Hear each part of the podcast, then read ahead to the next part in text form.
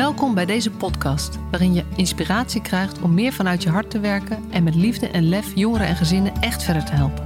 Voel je waarde, voel de passie voor je vak, voel je professional vanuit je hart.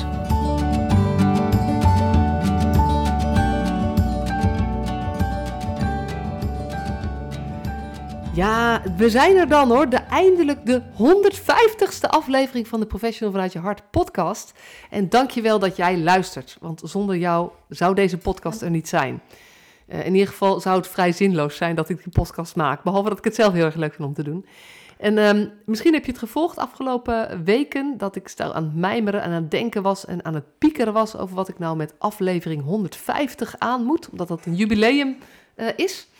Uh, en van de week bedacht ik ineens, ja, maar vind ik het nou echt zo belangrijk? Uh, moet ik dit nou groots maken? Is nou aflevering 150 belangrijker dan aflevering 149 of straks 172? En uh, toen was mijn conclusie eigenlijk nee. Um, en het is wel een moment wat ik wil vieren met jou als, als luisteraar en met mijn gast van vandaag, die hier ook glimlachend tegenover me zit. Ik ga dat zo meteen introduceren. Um, maar het was ook wel weer een bewustwording voor mij dat ik dacht, um, uh, je hoort natuurlijk van altijd alle kanten, ja, je moet je successen, je moet het wel delen.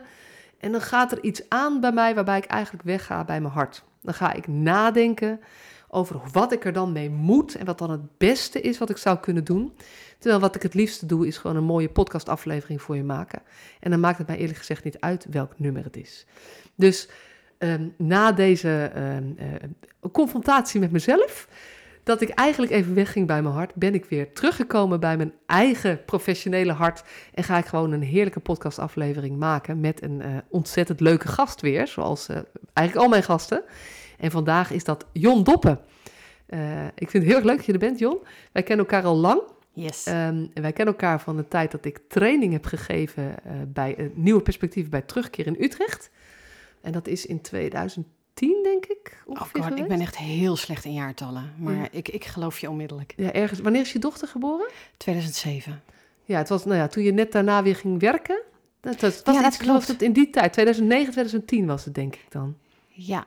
Ja. Ja, dat denk ik. Ja, ja. dus uh, sindsdien kennen we elkaar al. En um, uh, nou, ik heb training gegeven aan het team. En toen heb ik ook nog een paar jaar later een, uh, een, een tijdje meegedraaid. Even in dat bij team, ons gewerkt, ja. Omdat er daar gewoon extra werk was, extra druk. En nou ja, zo hebben we elkaar gevolgd, heel lang geen contact gehad. En um, vorig jaar kreeg ik ineens een mailtje of een berichtje van Jon, ik weet niet meer precies, met uh, haar scriptie van de studie erin. Uh, waarin stond dat uh, mijn boek, Professional vanuit je hart, dat dat nou ja, zo past bij jou. En ik kon dat meteen plaatsen, want zo ken ik je ook. En ik vind het heel erg leuk dat je het gast wil zijn. En ik vind het stiekem ook heel leuk dat juist omdat we elkaar zo, zo, zo lang kennen, dat jij in aflevering 150 zit. stiekem, stiekem, stiekem toch. Stiekem toch, hè? Ja, ja, ja, ja, ja. Maar dan niet bedacht. Nee, nee. Dus nee we hadden niet bedacht dat dit de 150ste zou zijn. Ja, had net zo goed de 152ste kunnen zijn. Daarom, ja. Ja. hey, dankjewel. Welkom Heel graag. en superleuk. Ja. En eh, ja, dan eh, de belangrijke vraag, hè? Ben jij een professional vanuit je hart? Ja, ehm, en dan zeg ik vanuit mijn hart ja. Ja. Ja, dat durf ik wel te zeggen. ja. Wat betekent dat voor jou? Ehm, ja, het, het, het, het, het, het is een soort staat van zijn of zo. Een, een professional vanuit je hart. Ja, ik vraag me soms wel, ik zit wel eens over na te denken van, kan je dat worden? Of, of en ik geloof wel dat je, dat je daarin dingen kan leren of zo. Maar ik denk ook vooral dat het een soort van basisgrondhouding is die heel erg bij je moet passen. Uh, en uh, net zo goed als dat je mensen hebt die, nou ja, wat meer met hun in hun hoofd zijn, dat die professionals zijn vanuit hun hoofd. Die zijn er denk ik ook. Ja. Ja. Ja, ik weet dat, ze zijn er wel, maar ik weet niet of die dan... Um, ik ben natuurlijk het boek gaan schrijven met de, de gedachte van... dan ben je eigenlijk, het, als je heel erg in je hoofd zit... ben je het contact met jezelf ook een beetje kwijt, zeg maar. Dat is in ieder geval hoe ik het zelf wel ook ervaren heb.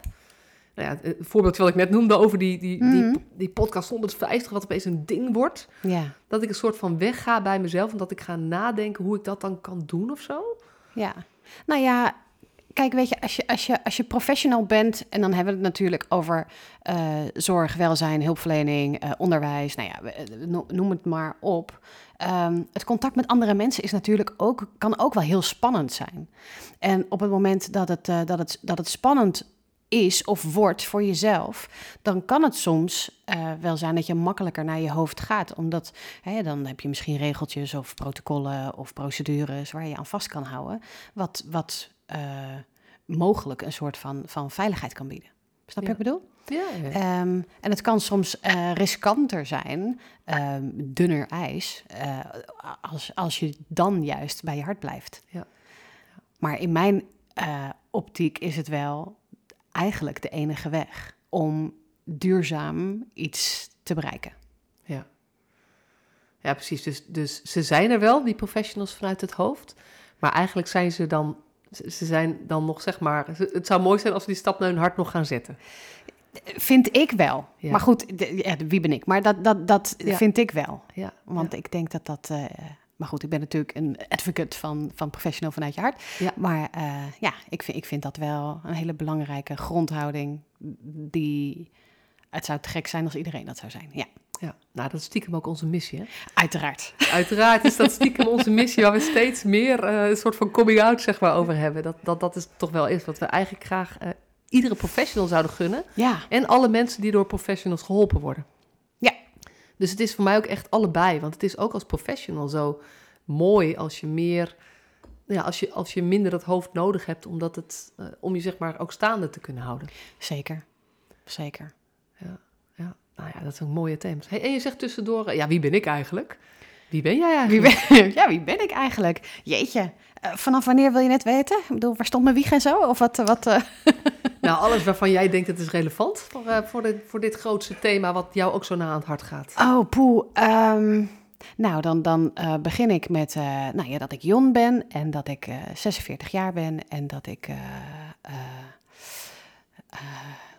moeder ben in eerste instantie van twee prachtige kinderen. Ik heb een, eh, een puber van 17 en een dochter van 15. En eh, mijn dochter van 15 die heeft Down, dat weet je. En eh, dus dat, dat maakt dat ik naast professional natuurlijk ook in zekere zin ehm, cliënt, ervaringsdeskundige, noem het maar, geef het een beetje maar een naam. Dus, dus dat. En daarnaast ehm, is mijn loopbaan in de jeugdzorg eigenlijk voornamelijk gericht geweest inderdaad op, op jongeren. Dus ik heb eh, op een, eh, ook op Valkenheide gewerkt, eh, op, op de groep. Dat was toen nog een, een jongensinternaat, later gemengd geworden.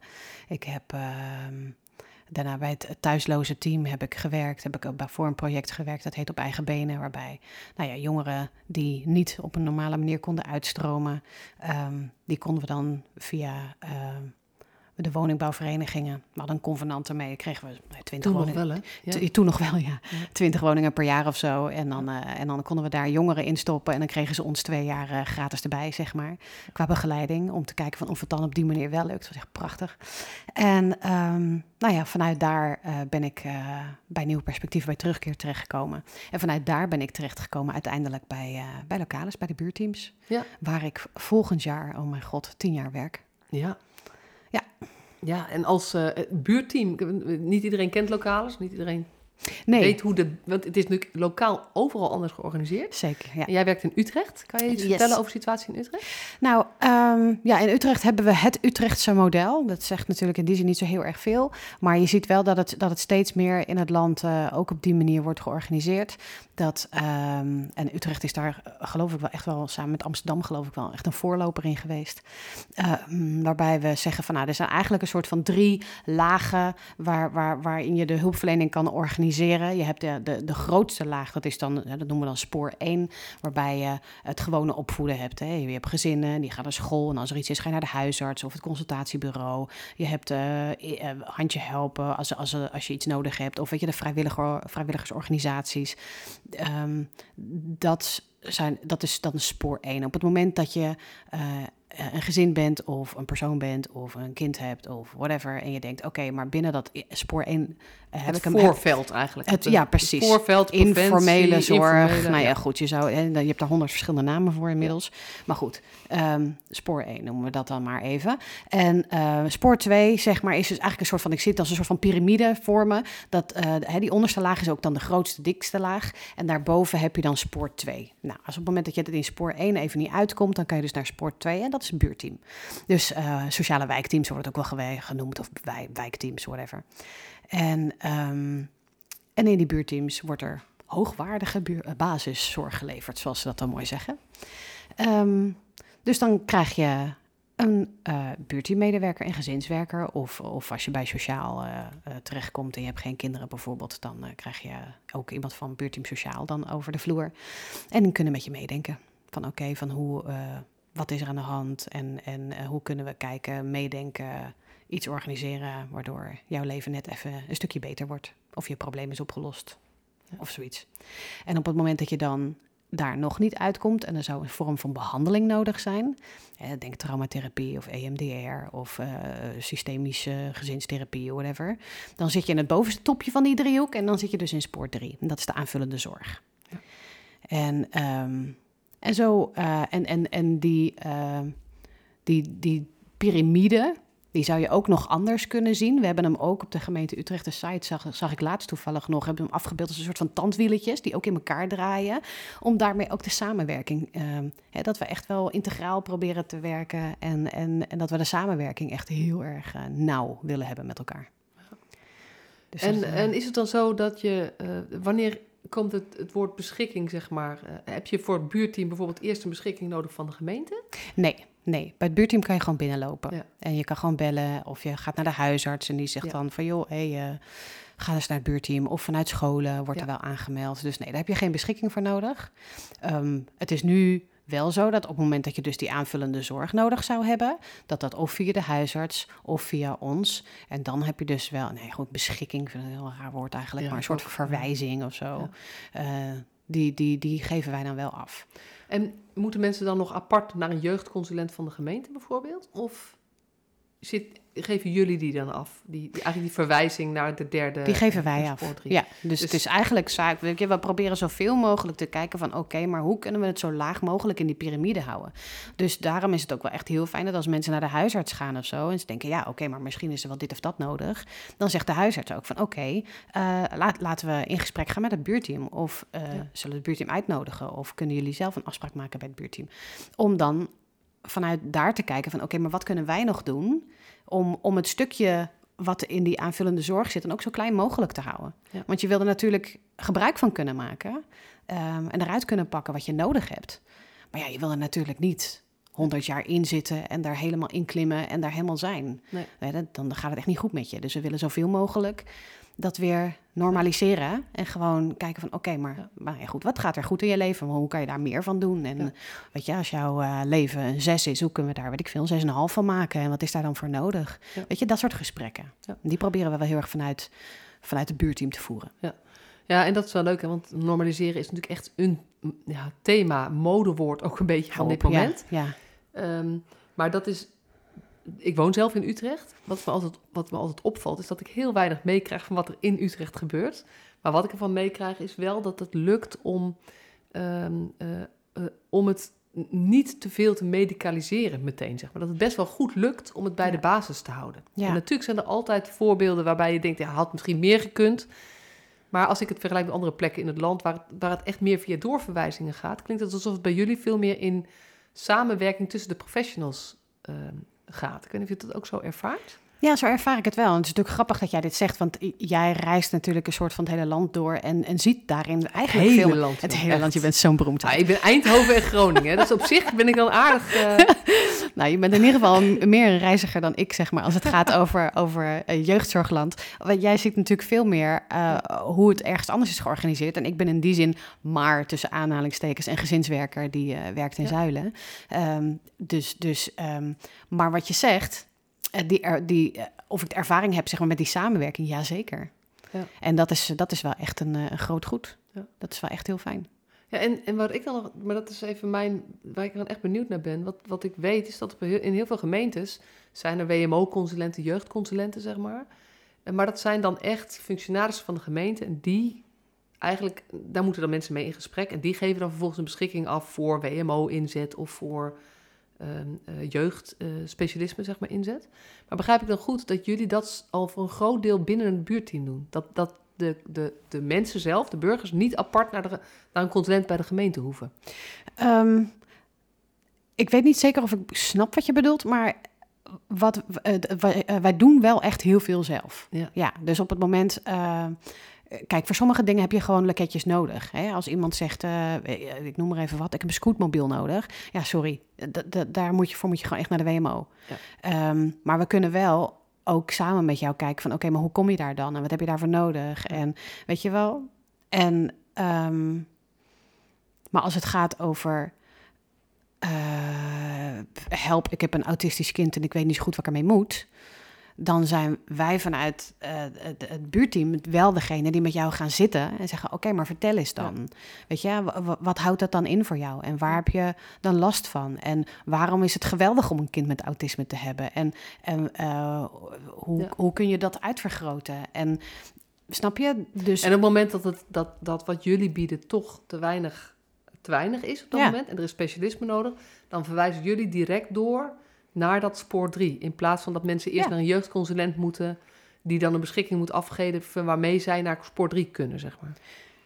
ja, nou ja, in, in die zin zou je ons zeg maar als de jeugdconsulenten kunnen Ja. zien. Ja. Ja. Oké, en dat is, want dat is wel, het is wel grappig dat ik dit nu ook hoor over mijn eigen stad. Dankjewel, Jon.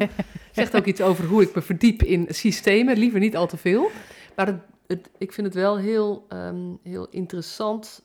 ehm, en ook, ik, ik snap ook dat het het Utrechts model heet.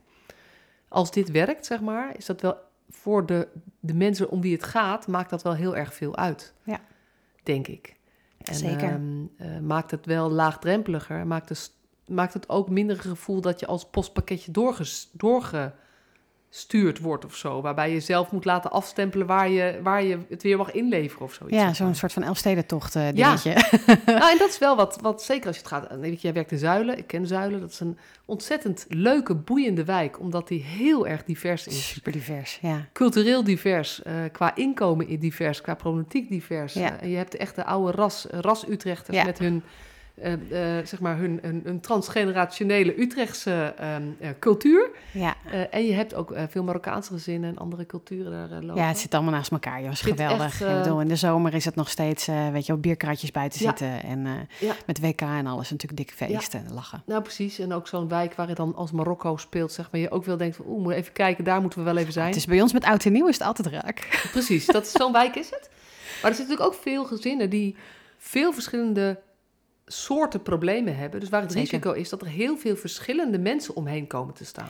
Zeker. Ja, multiproblem zeg maar is ook wel echt een, eh, ook een mode- modewoord, maar Ja. ehm, ook wel aan de hand, zeg maar. En, en, en het mooie van ehm, dat Utrechtse model vind ik dan, dat eh, ja, je kan het gevoel hebben dat je zo'n Elfstedentocht aan het rijden bent en dat je overal stempeltjes aan het halen bent, maar de buurteammedewerker staat, die, die schaatst naast je. Naast je. Ja. En die is samen met jou aan het kijken, oké, maar waar moeten we dan heen? En eh, kan je misschien de weg wijzen? En eh, kan je ook het gevoel geven dat je het niet alleen hoeft te doen? Weet je, en ik weet dat dat overal de bedoeling is, maar ik weet ook dat dat niet overal lukt. Dus, Mm. dus dat vind ik zo mooi aan jouw verhaal, dat Ja. dat, Ja. ehm, zoals je er nu over vertelt, zoals ik- wat ik ook hoor over lokales, Ja. dat, het, eh, ehm, dat het gewoon best wel goed lukt. Ja, gezien. nou ja, goed. Dus En dat ook hier, tof. eh, weet je, garantie dat aan de voordeur natuurlijk. Maar Ja. ik bedoel, we doen wel heel hard ons best, ja. Ja, ja, ja. Ja. Nou, dat is even het promo-praatje van dat Goed. zei je al. hè? Mag ik even een salarisverhoging? Nou, maar je zou er niet zo over praten als je niet enthousiast was. Zeker. Dus dat is, dat is ook, weet je, jij bent wel zou- echt ook. Ja, maar dat is ook zo. Ik zou er ook niet mee werken als ik er niet achter zou staan. Ik bedoel, echt, ik ben- ik heb nog nooit ergens tien jaar gewerkt. Dus dat, eh, dat, dat zegt ook wat. Ja, nee, precies. Dat is wel heel, eh, heel mooi. Ja. hey, en ehm, ehm, wat maakt nou, denk jij, even los van hoe het georganiseerd is, voor mensen het verschil met of je vanuit je hoofd of vanuit je hart werkt? voor Voor de mensen, voor de burger, zoals de- ze noemen. voor de hè, Voor, de, voor de cliënt. Maar ik vind het helemaal verschrikkelijk. Voor burger vind ik ook erg. ja. Maar dat is iets minder, eh, nou ja. Ja, ik ben vroeger inderdaad, was ik wel heel erg van de cliënt. Ik ben Ja. tegenwoordig noem ik het meer klant, omdat ik het gewoon Ja. denk, ja, weet je, je gaat ook gewoon een brood halen of zo, weet je. Zo kan je ook even wat hulp halen, Ja. weet je. Dus ik vind klant in die zin, ik vind het ook een beetje een maf woord of zo, maar ik vind het, ik vind het wel passender Ja. en wat gelijkwaardiger dan cliënt. Laten we daar eens wat mee gaan experimenteren. Het Gewoon een tijdje klant noemen. Kijken of dat kan in, inburgeren. Ja, maar hoe dat... Wat is voor de... En, en dan heb je natuurlijk je ervaring als professional. Maar je hebt ook ervaring als moeder. Ja. Wil je daar eens wat over vertellen? Wat, wat voor jou het verschil maakt? Eh, nou ja, kijk, weet je, uiteindelijk denk ik dat, eh, en ik vind dat je dat heel mooi in je boek zet, weet je, eh, wil je gewoon als, als, als mens benaderd worden. Ehm, of je nou jongere bent, of moeder, of vader, of oma, of eh, leerkracht, weet je, je wil gewoon als mens benaderd worden. En ehm, dan is het wel echt heel fijn dat als degene die tegenover je staat, ehm, vanuit datzelfde mens zijn tegenover je staat. En, en, en die vind ik heel belangrijk. En die heb ik zelf ook echt wel ervaren. Hè, ik bedoel, op het moment dat ik eh, bij een consultatiebureau ben met mijn dochter, die, die toen- nog heel klein was. En eh, nou ja, je wordt een soort van eh, weggekeken van, wat doe je hier? Weet je wel, moet jij niet in het ziekenhuis bij een specialist zijn of zo? Ja, dat is wat anders als dat er een deur open zwaait en zegt, joh, kom binnen, wil je een kop thee? En oh, wat een heerlijke meid heb je, of zo. Weet je, dat is, dat is echt een ander gevoel. En ehm, ja, ik, ik moet, ik moet nu denken dan aan, aan ehm, ehm, toen mijn dochter werd geboren. Ehm, wij wisten niet toen zij in mijn buik zat dat zij Down had. En, en dan, nou ja, goed, toen werd Nina geboren. Toen bleek dus dat ze Down had. En dan kreeg je, kreeg heel veel reactie van mensen van, oh, wat erg. Oh, echt, oh, wat, wat, wat zwaar en wat pittig en zo. En ik weet nog dat er een buurman, nee, mijn man, eh, Jeroen, die liep eh, ook een keer naar buiten de straat op. En, en een buurman die liep naar buiten en die schudde hem de hand, gaf me knuffel en zei, gefeliciteerd man, met je kind. Nou ja, dat is het. Weet je, daar gaat het dus om. Hoe, hoe kun je dat vastpakken? En dat zit hem in super kleine nuances, eh, maar gewoon eh, dat zien. Gefeliciteerd man, je hebt gewoon een kind gekregen. Wat gek. Dat. En, en dat zit hem op ieder front. Weet je, daarom is ook. eh, ehm, maar de- ja, en het zit hem ook gewoon in herkenning. Ik, ik, ik zeg wel eens vaker tegen mensen, weet je, van ah, hoe, ja, hoe doe je dat nou met jouw dochter en dit, dat en hulpverlening en zo. Ja, ik ben dus wel iemand eh, dat op het moment dat ik bij een gezin thuis kom en die mensen hebben een kind met een beperking, ja, ik sta gelijk op de bank en dus ik heb er ook een. Ja. Maar ja, dan komen wel gelijk de koekjes op tafel en die ogen gaan open. En iedereen zegt, oh, echt waar? Hoe is het voor jou dan? En eh, hoe oud is jouw dochter? En oh, mag ik een foto zien? En, en ja, dan laat ik ook die foto zien, want ik ben ook gewoon een trotse moeder. En weet je wel zo. Maar dan, dan, dan die, die, nou ja, werkrelatie, als je het zo wil noemen, of die connectie hè, tussen mens en mens, die is er direct. En dat is echt heel tof. Het is hetzelfde als dat, eh, ik bedoel, ik ben er nooit geweest hoor, hoog op mijn wensenlijstje. Maar als je bijvoorbeeld eh, bij een Marokkaans gezin thuiskomt en je zegt, oh, ik ben ook in Marokko geweest en ik ben daar en daar geweest en zo. Nou ja, weet je, dat vind ik, het, het gaat over die connectie maken. Het gaat over de ander zien, maar wel zien vanuit je hart inderdaad. En je kan dat soort dingen niet faken. Je kan het niet maken of verzinnen. Nee, maar het is wel grappig, want jij zegt ook iets over als je een ervaring deelt, Mhm. geeft dat connectie. En ik Zeker. herken dat wel. Ik heb in Leiden gestudeerd. En als ik iemand hoor die pedagogiek gestudeerd heeft, wil ik altijd weten waar, die, waar, waar hij, Waar hij meestal zij gestudeerd heeft. Ja. En als ik dan Leiden hoor, dan heb ik altijd iets, oh leuk. ja. Terwijl ik ken diegene niet. Misschien is die persoon wel heel stom, helemaal niet mijn type. Maar het feit dat je allebei in Leiden gestudeerd hebt, of dat je allebei dezelfde studentenvereniging hebt gehad of zoiets. Ik had laatst iemand, die, kwam, die ontmoette ik bij een training. Dat is heel bijzonder. Ik gaf een, een workshop ergens en, zei, en we konden het goed vinden. Ging ik later op LinkedIn kijken. Bleek ze bij dezelfde studentenvereniging gezeten te hebben als ik. Ja, en tof, toen dacht man. ik, hey. maar dat geeft meteen een soort van verbinding. ja. Maar Nou dat ja. betekent eigenlijk dat je... ehm, want het gaat dus niet alleen over dat je dezelfde rot of moeilijke ervaringen hebt. Want zo zien we ervaringsdeskundigheid wel eens. Over, dat gaat over de moeilijke ervaringen van je leven. Maar eigenlijk gaat het over... überhaupt, wie ben je, wat heb je meegemaakt? En ehm, eigenlijk maken we ook dezelfde dingen mee en dat geeft de connectie. Het kan zo klein zijn als dat ik een huis binnenloop en dat ik een kat zie en dat ik zeg, oh wat een schatje, ik heb ook een kat. Ja. En dat ik dan gelijk dat meisje van zes, op de, of zes of zeven op de bank heb, die gaat, oh heb jij ook een kat? Ja. Hebben ze. Ja, Weet of je? ik hou van voetbal. Weet je, de- je komt een huis binnen en je houdt van voetbal. Ja. Dat. Eh, dus het, het, het gaat, want mensen denken wel eens als je jezelf mee moet nemen, ja, maar ja, je, wel, je kan niet alles over jezelf vertellen natuurlijk. En het, ik vind het soms zo moeilijk om uit te leggen wat het verschil is, maar het zit, ik vind dat je wel mooie woorden eraan geeft. Het gaat ergens over eh, de herkenning Ja, en op zoek naar, hé, maar waarin zijn wij een heel klein beetje hetzelfde? precies. Precies. Nou ja, en, en, en, en daarin heb je dus wel een beetje de kwetsbaarheid nodig van jezelf. Om daarin een stukje van jezelf te geven. Want anders ga je die gezamenlijkheid niet vinden. Ik had het gisteren toevallig over met een, eh, met een groep collega's. En eh, weet je, dat is natuurlijk wel honderd jaar geleden. Maar toen ik op school ehm, mijn opleiding deed.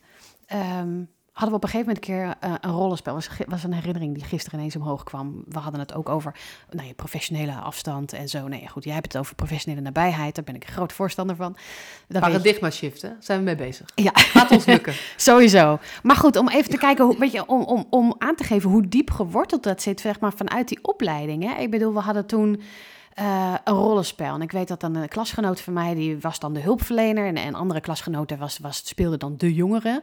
En, ehm, en de jongere, nou, daar was wat mee. En die, op een gegeven moment was die verdrietig of weet ik wat allemaal. Waarop die hulpverlener, dus die klasgenoot van mij, zegt, nou, kom hier. En dus je laat een arm om hè, zijn medeklasgenoot heen. In de zin van, nou, kom hier even een knuffel. En je hoorde de hele klas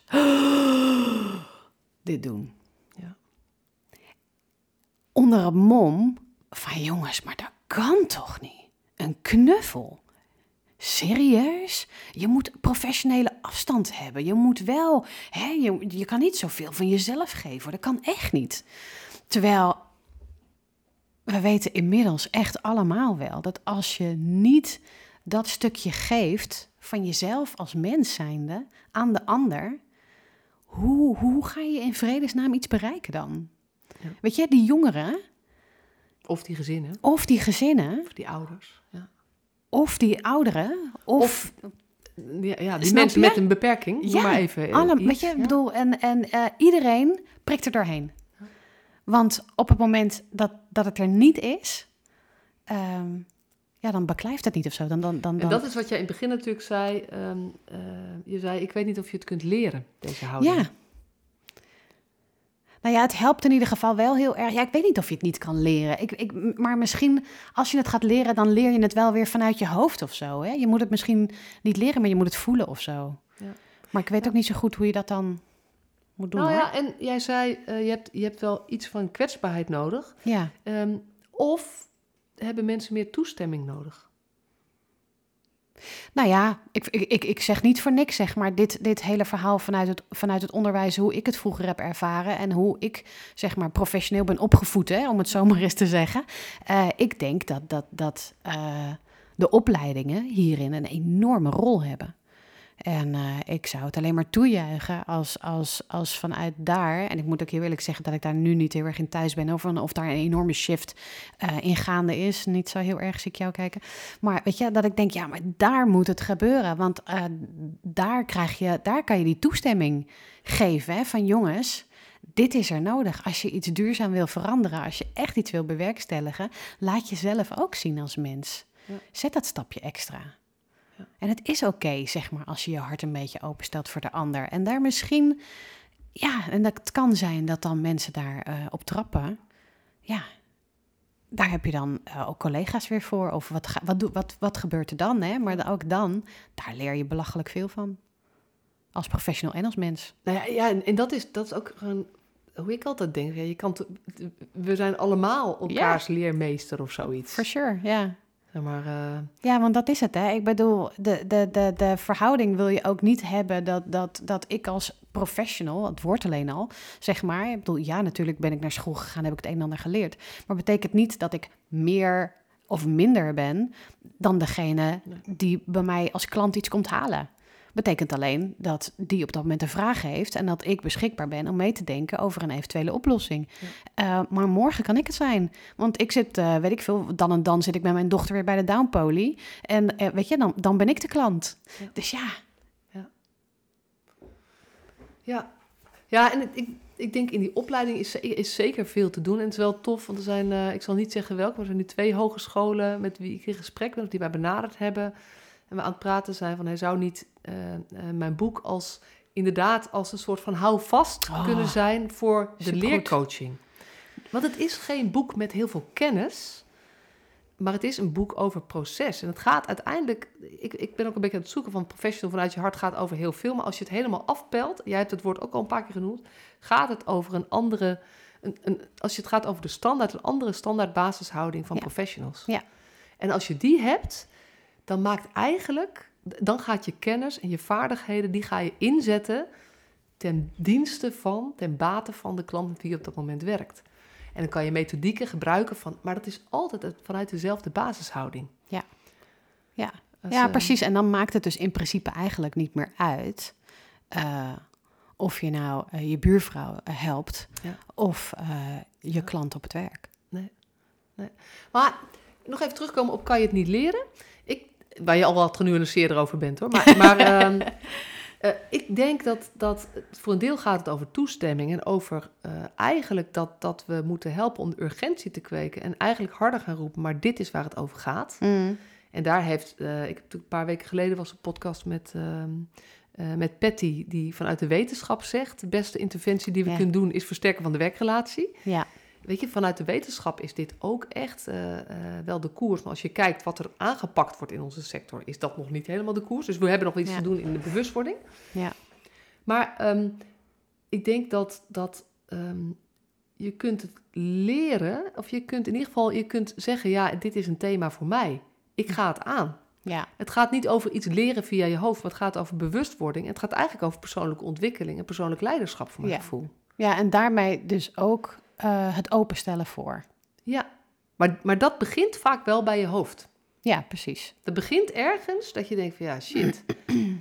Eh, wat ik tot nu toe dacht dat het beste was eh, om te doen. Want de meeste, men, weet je, de meeste professionals doen, die, die doen echt hun best om het beste te doen voor cliënten, Hmm. voor klanten. Ehm, maar het vraagt een soort van pijnlijke ontdekking dat hetgene waarvan je altijd hebt gedacht dat dat het meest waardevolle was, namelijk je kennis, dat uiteindelijk iets anders het meest waardevol blijkt te zijn, namelijk jij als mens, waarbij je de kennis inzet als instrument. Ja, precies. Ja, spijker op zijn kop. En dan gaat het veel meer over, want, want het woord kwetsbaarheid is natuurlijk ook een beetje ingewikkeld, vind ik soms. Van, ja, je moet je kwetsbaarheid, eigenlijk gaat het over, eh, ik vind het eigenlijk persoonlijk leiderschap nemen of zoiets. En zou er veel meer aandacht moeten zijn voor persoonlijke ontwikkeling. Ja, ja, ja, die kwetsbaarheid kan je denk ik op verschillende manieren interpreteren, zeg maar. Maar weet je wel, het is, eh, je hebt ook, en daar hebben we het ook wel eens vaker over gehad, eh, dat je ook lef nodig moet hebben, zeg maar, om professional vanuit je hart te zijn. Ja, waarom eigenlijk? Nou ja, ik denk dat dat dus ook wat te maken heeft met dat stukje kwetsbaarheid. Door jezelf open te durven stellen, door eh, nou ja, ervaringen te delen, door, door te zeggen, oh ja, weet je, door dingen te, te, te gaat, komt hij weer te normaliseren. Door te zeggen, oh joh, maar dat, dat heb ik, hè, dat maak ik ook mee, weet je wel. Ik heb ook een, eh, een tiener puber. denk je dat dit makkelijk doet op school? Weet je wel zo. Dus door dat soort. Ja, die van jou wel. nee. Die van mij, eh, die houdt het spannend, eh, zullen we maar zeggen. Ja, maar die heeft andere kwaliteiten. die heeft net zijn eerste album uitgebracht. Nee, dat is mijn man. Oh, dat is man. Nee, Ah, mijn zoon is ook lekker Ja. bezig. Nee, maar dat, eh, dat, dat, dat terzijde. Maar ehm, wat was nou mijn zin? Want nou ben ik het kwijt. herkenbaarheid, sorry. ik leid je af. Ik wil het zeggen. Nou zit ik helemaal met mijn hoofd bij mijn gezin. Ehm, Het gaat over kwetsbaarheid en, en, en dat je... ehm, ik ben hem ook kwijt, de draad. Het was iets heel moois. Sorry dat ik... eh, Gaan we dit eruit knippen of laten we het erin? wat jij wil. Dit is het echte leven, hè? Zo Dit is- dit is het ook. Associatief. Ja, we hadden het over kwetsbaarheid.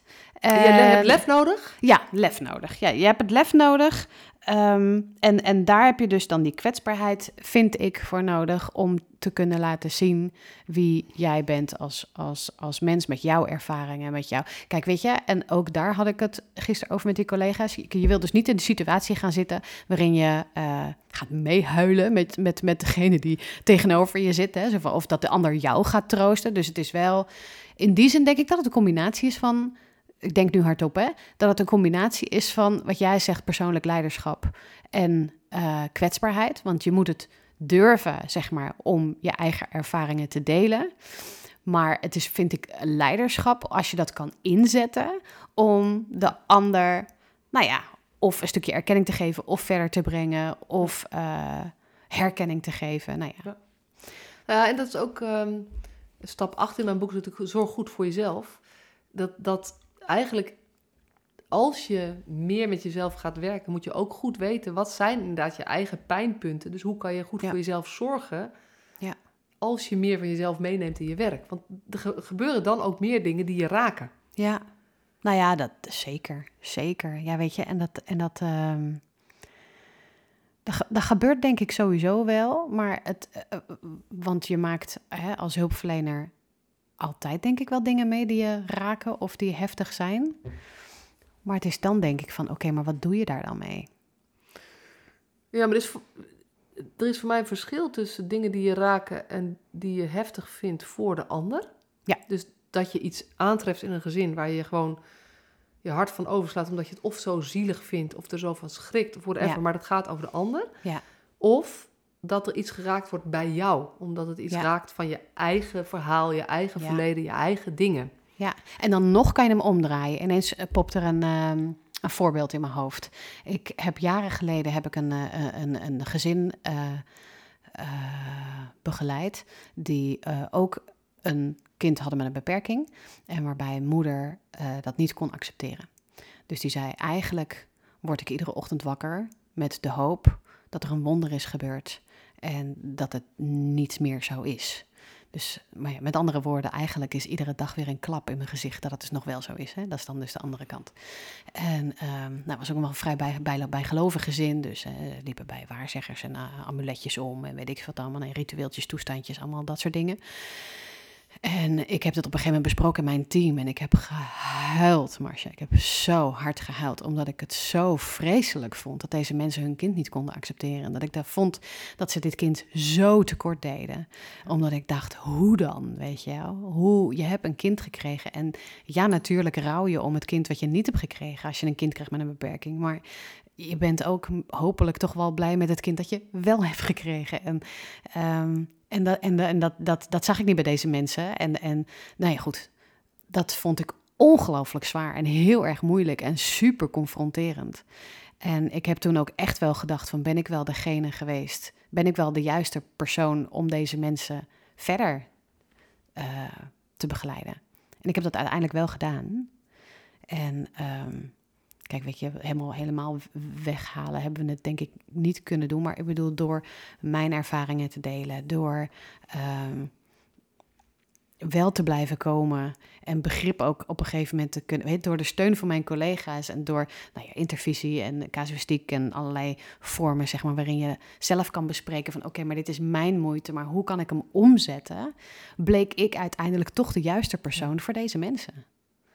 Dus hoe, van je kwetsbaarheid kan je dan ook alweer je kracht maken. Ja, ja maar wat het, wat het vraagt om, um, om dit proces te kunnen door te gaan, zodat jij deze mensen bij hun proces kan helpen, in plaats van dat je ze eigenlijk overruled met jouw proces en jouw meningen en jouw pijn. Ik was woest. Is dat je ergens, ja. pijn en bij jou wordt dat dan woede, maar eigenlijk is dat natuurlijk ook pijn. Tuurlijk.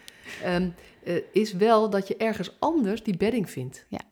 Want als je dat niet organiseert, ja. en gelukkig heb je dat kunnen vinden in je team en bij je collega's, maar vast ook gewoon bij, bij, weet je, je hebt ook, ook zelf periodes gehad dat je denkt, oh help een kind met beperking. Dus, dus ook hoe dit is, ja. als je daar niet goed voor zorgt, dan, dan blijft het ook onder de oppervlakte of zo. En dan kun je dat dus niet. Dan kan je juist dezelfde ervaring hebben, maar dan kan jij niet meer de, de klant dienen. Ik hou toch maar van, van dat woord dienen op een bepaalde manier. Ja. Want dan ga, nou ja, dan noemen we natuurlijk, dat noemen we ook projectie natuurlijk. Dan ga je gewoon jouw thema een beetje projecteren op die ander. Ja. Ja, precies. Dus nou ja, maar, maar nou ja, dan, dat is dan zeg maar weer die combinatie van die kwetsbaarheid en Ja. die kracht, zeg maar, die Ja. je toch in samenspel Ja. moet hebben. Nee, moet hebben, maar waarbij het handig is als je dat hebt. Zodat je je werk optimaal kan doen en dus inderdaad de ander eh, het best kan dienen, zoals jij het zo mooi zegt. Ja. Ja, en, en dan is ook verschil met, met misschien wel wat de visie is. Wat is nou een rol van een professional? Wat is, wat is je taak? Wat is je toevoeging, zeg maar? Ja. Zit je toevoeging in dat jij kennis hebt en dat jij tools hebt en dat je hulpmiddelen in kunt zetten zodat de ander, nou ja, beter kan omgaan met of whatever? Ja. Of zie jij je rol veel meer als procesbegeleider, waarbij je toevoegt aan het proces waar de mensen zelf zitten? Ja, een combinatie van beide, denk ik. Want ik bedoel, eh, dat is natuurlijk een van de redenen waarom ik om, op school heb gezet. Ik bedoel, ik heb natuurlijk tools gekregen. Ja. En ik heb natuurlijk studieboeken gelezen. En ik heb stages gelopen en werkervaring opgedaan. Ja. Dus eh, eh, waar de ene moeder met een beperking, eh, met een kind met een beperking, eh, zijn handen in de lucht steekt en zegt: Ja, maar ik weet gewoon echt niet waar ik moet wezen. Eh, kan ik wel vanuit ook mijn eigen ervaring, maar ook vanuit mijn schoolervaring of stageervaring of weet ik veel wat zeggen van: Nou joh, hè, maar ik, ik weet toevallig dat je A, B en C hebt. Ja. wat, waar zullen we eerst naar kijken? Ja, precies. Ik, ik geloof ook echt in die combinatie. Alleen Ja. het begint wel bij het hart. Je moet, je moet eerst die connectie hebben en dan kan je dat gaan toevoegen, zeg maar. Nou ja, je- maar dat is wel inderdaad wat, wat, wat Patty dus ook zegt. Weet je, die, die, die werkrelatie en het aansluiten en zorgen dat op het moment dat je binnenkomt en dat je dus waar, waar we net begonnen, zo van waar vind ik iets wat, wat wij delen waarin we hetzelfde zijn, dat is, dat is echt wel, eh, Ja. Daar begin je gewoon mee. Want dat, dat, dat, het eerst constateren van, oh, we zijn ergens allebei hetzelfde, dus we hebben bij, wijze van spreken gelijk al een, een basis van gelijkwaardigheid, Ja. dan kan je verder. Tenminste, Ja. dan voel ik me het meest comfortabel om verder te gaan. Ja, en ik vind dat dan wel een opdracht van een professional om te zoeken naar Ja. waarin kan ik die verbinding leggen. Ja. Want je zou het ook kunnen omdraaien. Je kan zeggen, oké, dus we doen Marokkaanse hulpverleners bij Marokkaanse gezinnen. Of we doen, als je van voetbal houdt, gaan, ehm, en dan ga je heel erg instrumenteel in die zin een beetje denken. Alsof je het daarmee te pakken hebt. Maar dan heb je het nog niet. Ja, voor mijn gevoel gaat dit ook over de houding van de professional. Vanuit de overtuiging dat je met vrijwel iedereen wel gemeenschappelijke ervaringen hebt. zeker, zeker. En dat het jouw rol is om te zoeken, jouw taak ook, eh, in je verantwoordelijkheid, om te zoeken naar, hé, hey, maar waar kan ik bij, bij deze cliënt die toevallig aan mij toebedeeld is, Ja. waar kan ik het haakje vinden? Nou ja, dat. En dat is dus. eh, en soms is dat een heel klein haakje. En soms is dat een wat groter haakje. Die groep collega's waar ik het net over had, waar ik gisteren mee eh, aan het kletsen was. Daarvan zei er eentje ook zo van: ja, maar als ik dan inderdaad eh, mijn eigen ervaringen kan delen. eigenlijk stel ik me dan ongelijkwaardig op, zeg maar, van mijn collega. Want als ik deze ervaring deel, dan heeft mijn collega die niet. Maar ja, weet je, eigenlijk willen we natuurlijk wel dezelfde zorg bieden. Terwijl, ja, dat is natuurlijk een soort van een mazzel dat, dat je dan die ervaring hebt. Zet hem in, gebruik hem. Is alleen maar geweldig, toch? Dan is je haakje groter. Dus ehm, Bij, bij bepaald, bepaalde gezinnen. zeker. Want die collega, en maar, maar die waarde moeten we, we moeten meer de waarde van het verschil gaan Precies. erkennen. We zijn maar. nog te bang, zeg maar, om, om, te, om te bedenken... oh, maar eh, we, we worden, we zijn te veel eh, Ja. individuen... Ja. Die, die aansluiten bij gezinnen of bij burgers... of bij kinderen, jongeren. Ehm, ehm, en we- en we- en- maar dat moet allemaal Ja. in die zin hetzelfde zijn. Nee, dat, dat hoeft niet hetzelfde te zijn. Ehm, in ieder geval niet in die basiszorg... waarin je gewoon in eerste instantie aansluit... en gewoon meedenkt. Weet je dat? En Ik heb vanuit toevallig eh artikeltje gelezen van, eh, van Albert-Jan Kruiter vanmorgen. En dat ging over de menselijke maat. En, Mm. en eh, ja, ik, ik vond het een heel interessant artikel. Ik kan het helemaal niet reproduceren. Maar wat mij ook opviel, daar is dat, die, dat hij... Ja joh, heel goed verhaal. Dank je. Sorry. Ehm, maar wat, wat hij daarin zegt, en dat, ik was heel blij, want ik heb het wel eens geroepen, maar dan als hij het ook zegt, denk ik, oké, het slaat wel ergens op. Mhm. Hij zegt, het is heel raar dat wij eh, maatwerk als sluitstuk zien. Want eigenlijk is maatwerk de basis. Ja, En dat is een omgekeerd redeneren. En hij zegt natuurlijk over, over publieke systemen heeft hij het. En hij zegt, ons systeem is gebouwd op, we hebben een standaard. En als de standaard niet past, gaan we maatwerk doen. ja, Maar nu is de menselijke maat, zeg maar, is een soort van nieuw eikpunt geworden. Maar als je het daar eigenlijk over hebt, dan moet je de vol, dan is maatwerk is de standaard. Ja. En dan is dus, ehm, eh, waarom, waarom zijn we zo op zoek gegaan naar, hey, maar we moeten wel hetzelfde blijven doen? Dat is omdat we zijn, eh, zijn ja, ook het publiek domein georganiseerd is via standaarden. Mhm. Eh, en als we eigenlijk het weer gaan organiseren via maatwerk, en alles is maatwerk, mogen professionals ook meer verschillen. Ja. Ja, precies. Ja, en dan, dan, dan ehm, ik zit even na te denken, want dat, dat vanuit de persoon zijn, vanuit de professionals eh, zeker. En ik ben het ook wel heel erg eens met dat eh, de zorg die je dan levert, of de begeleiding die je dan levert, zeg maar, dat daarin ook echt wel verschil kan en mag zijn. Ik denk alleen wel dat dat, ehm, dat dat voor heel veel mensen nog heel spannend is. En dat het soms ook eh, eh, vanuit de samenleving of vanuit, eh, nou ja, neem even zuilen. Dus natuurlijk, eh, weet je, aan de ene kant de scheet laat, binnen een kwartier weet de andere kant het. Ja, zo werkt het gewoon. De tamtam gaat daar hard. Dus op het moment dat daar, zeg maar, vanuit... Hè, in Utrecht hebben we bijvoorbeeld, noem maar wat, city deals... waarin we ehm, casussen waar, die, buiten, buiten de, die binnen de regeltjes helemaal vast komen te zitten... waarbij mensen helemaal zichzelf eh, vastdraaien in systemen... En, en dat het gewoon echt niet meer lukt om daaruit te komen. Nou ja, dan vinden we... dan moeten de regels gebogen worden, weet je. Dus nou ja, in die city deals kunnen we dan ehm casussen bespreken... en dan, en dan zitten daar eh, nou ja, echt wel mensen met invloed aan tafel... die dan gaan zeggen, oké, nou dan kunnen we het zo aanpakken, zo aanpakken... Weet je, nou, dan gebeuren echt wel hele mooie dingen. Maar ja, weet je, als eh, Pietje dat voor elkaar heeft gekregen, dan zit Klaasje of Jantje, die zit aan de andere kant, die zegt ja, maar dat is leuk, maar dat wil ik ook. Ja, en dan krijg je En dat, dan, en dan wordt die wel spannend, want ja, hoe ga je eh, dan uitleggen, of uitgelegd krijgen, want uitleggen kunnen we het wel, maar hoe ga je uitgelegd krijgen en het zo van ja, oké, maar wat jij nodig hebt, eh, is misschien niet, hè, je hebt misschien hetzelfde probleem, maar jij hebt misschien meer zelfoplossend vermogen dan de ander, of jij hebt misschien net even iets meer geld dan de ander, of jij hebt misschien net even iets netwerk dan, dan de ander. Weet je, dus omdat, Ja.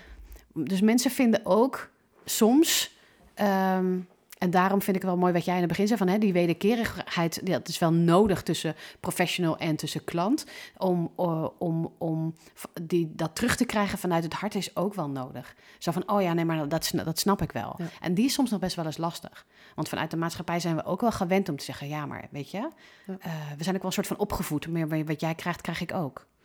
Ja, het- ja we, gaan, we, gaan, we gaan bijna richting een maatschappelijke discussie. Gaan we niet Ja, doen. moeten we niet doen. Nee, maar maar, het gaat dat ook over hoeveel solidariteit is er nog. Wat is belangrijker, solidariteit of gelijkheid? Ja. En, en ehm, dat, nou ja, dat leidt tot gewoon hele verschillende eh, manieren van ook eh, zorg inzetten of Ja. eh, het besteden van publiek geld. En goed, daar, daar, daar zegt Albert-Jan Kruiter dus en, en een aantal andere mensen ook hele mooie dingen over. Ja.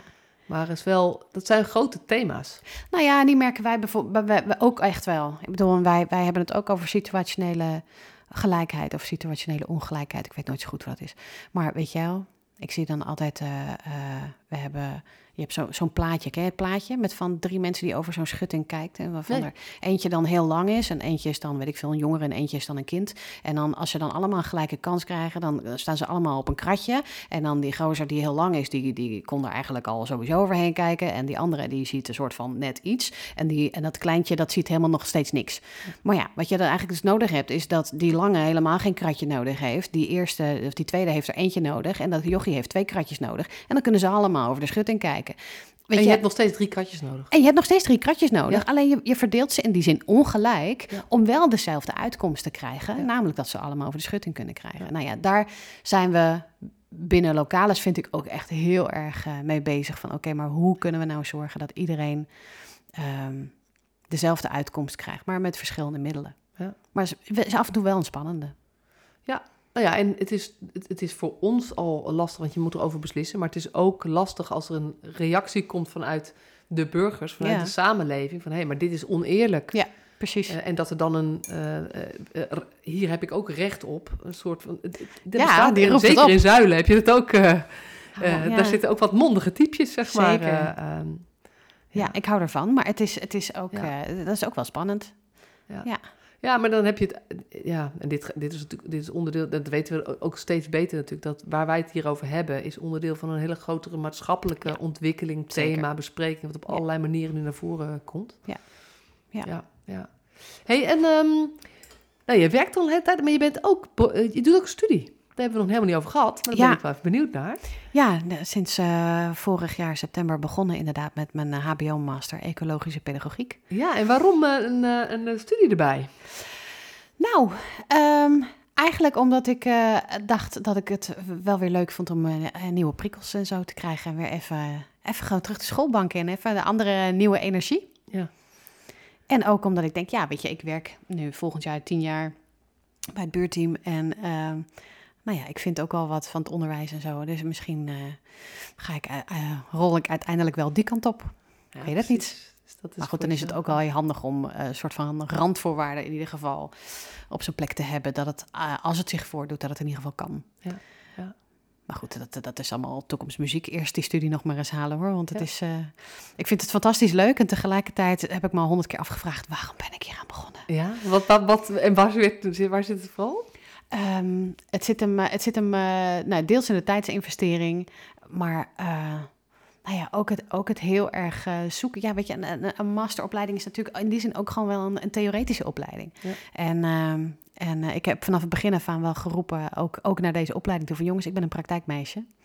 En ehm, dus ik vind het ook nog wel soms ingewikkeld, zeg maar, om de theorie daarbij te halen. Kijk, weet je, reflecteren, dat, dat, dat, dat lukt me wel. Dat, dat, eh, dat, dat doe ik wel. Maar om dan eh, ineens een literatuurstudie te gaan doen, is toch echt even andere koek. Ja, maar dat vind ik ook wel weer wel leuk dat je dit nu noemt. Want ehm, ik geef natuurlijk allerlei verschillende type mensen en, en rollen, functies, ge- geef ik training. En ik sta ook wel eens voor straathoekwerkers, jongerenwerkers. Eh, en daar vergelijk ik dit dan een beetje mee. Want ik zeg altijd, die straathoek jongerenwerkers, die hebben vaak niet zoveel probleem met dat vanuit het hart.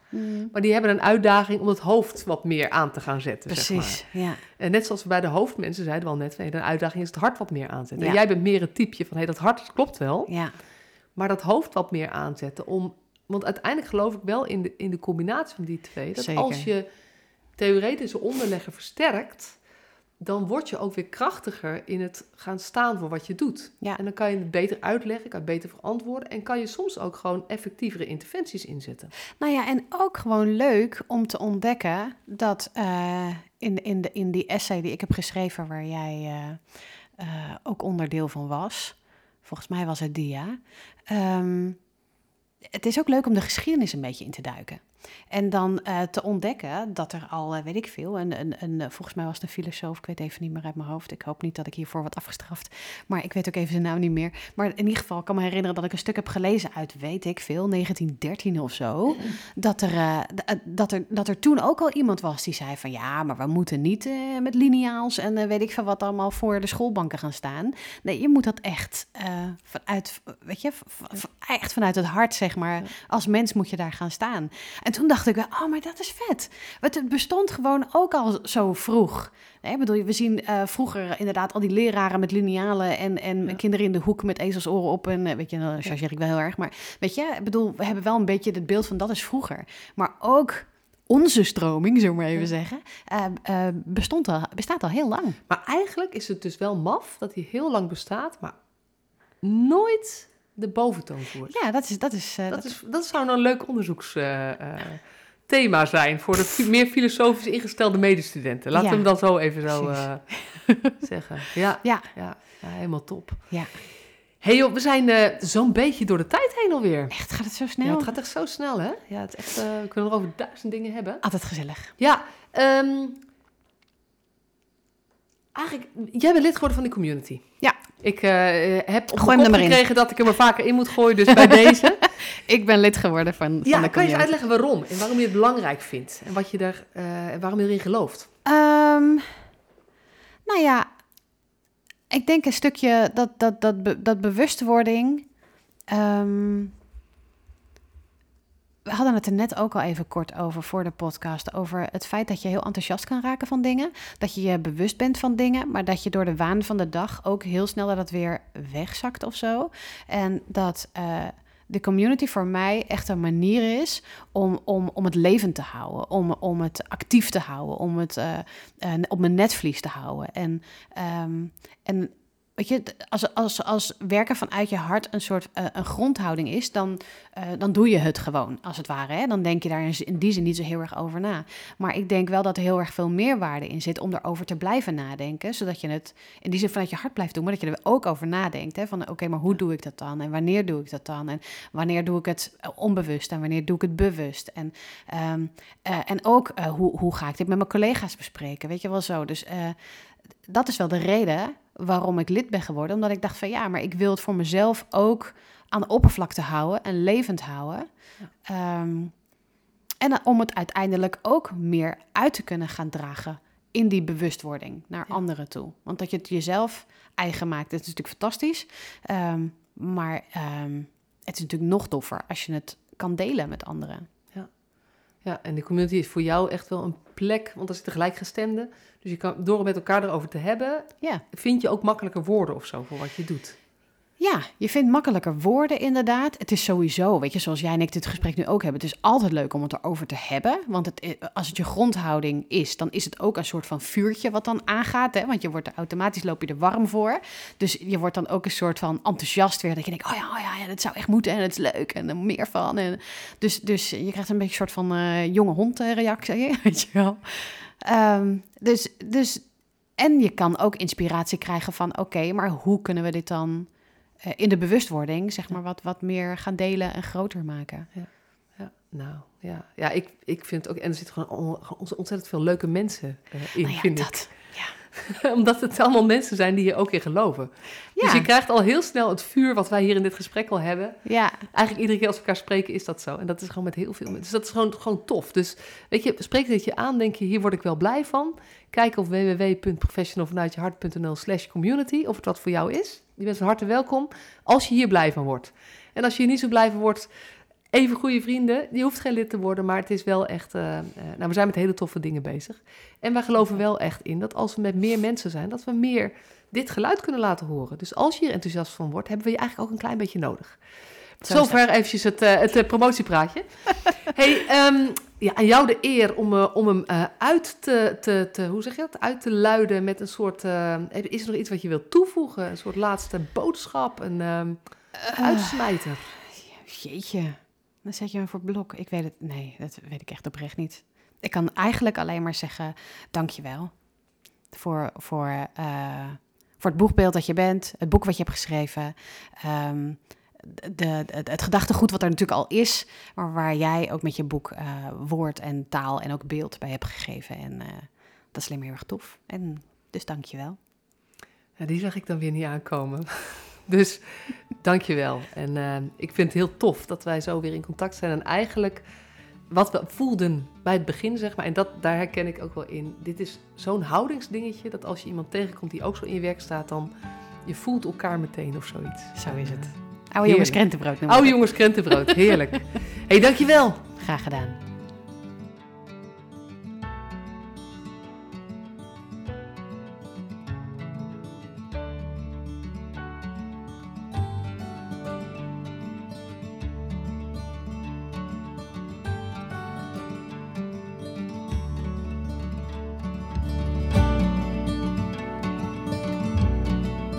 Superleuk dat je weer luisterde naar deze podcast. Dankjewel. Nog even kort een paar belangrijke dingen. Ten eerste, het is mijn missie dat de jeugdhulp weer een sector wordt waarin bevlogen, liefdevolle professionals jongeren en gezinnen echt verder helpen. Daarom maak ik deze podcast voor jou. Wil jij deel uitmaken van deze beweging van Professional vanuit je hart, waarin professionals elkaar steeds opnieuw inspireren? Begin dan met het lezen van mijn boek. Je kunt de eerste hoofdstukken helemaal gratis lezen. Ga naar professionalvanuitjehart.nl slash boek.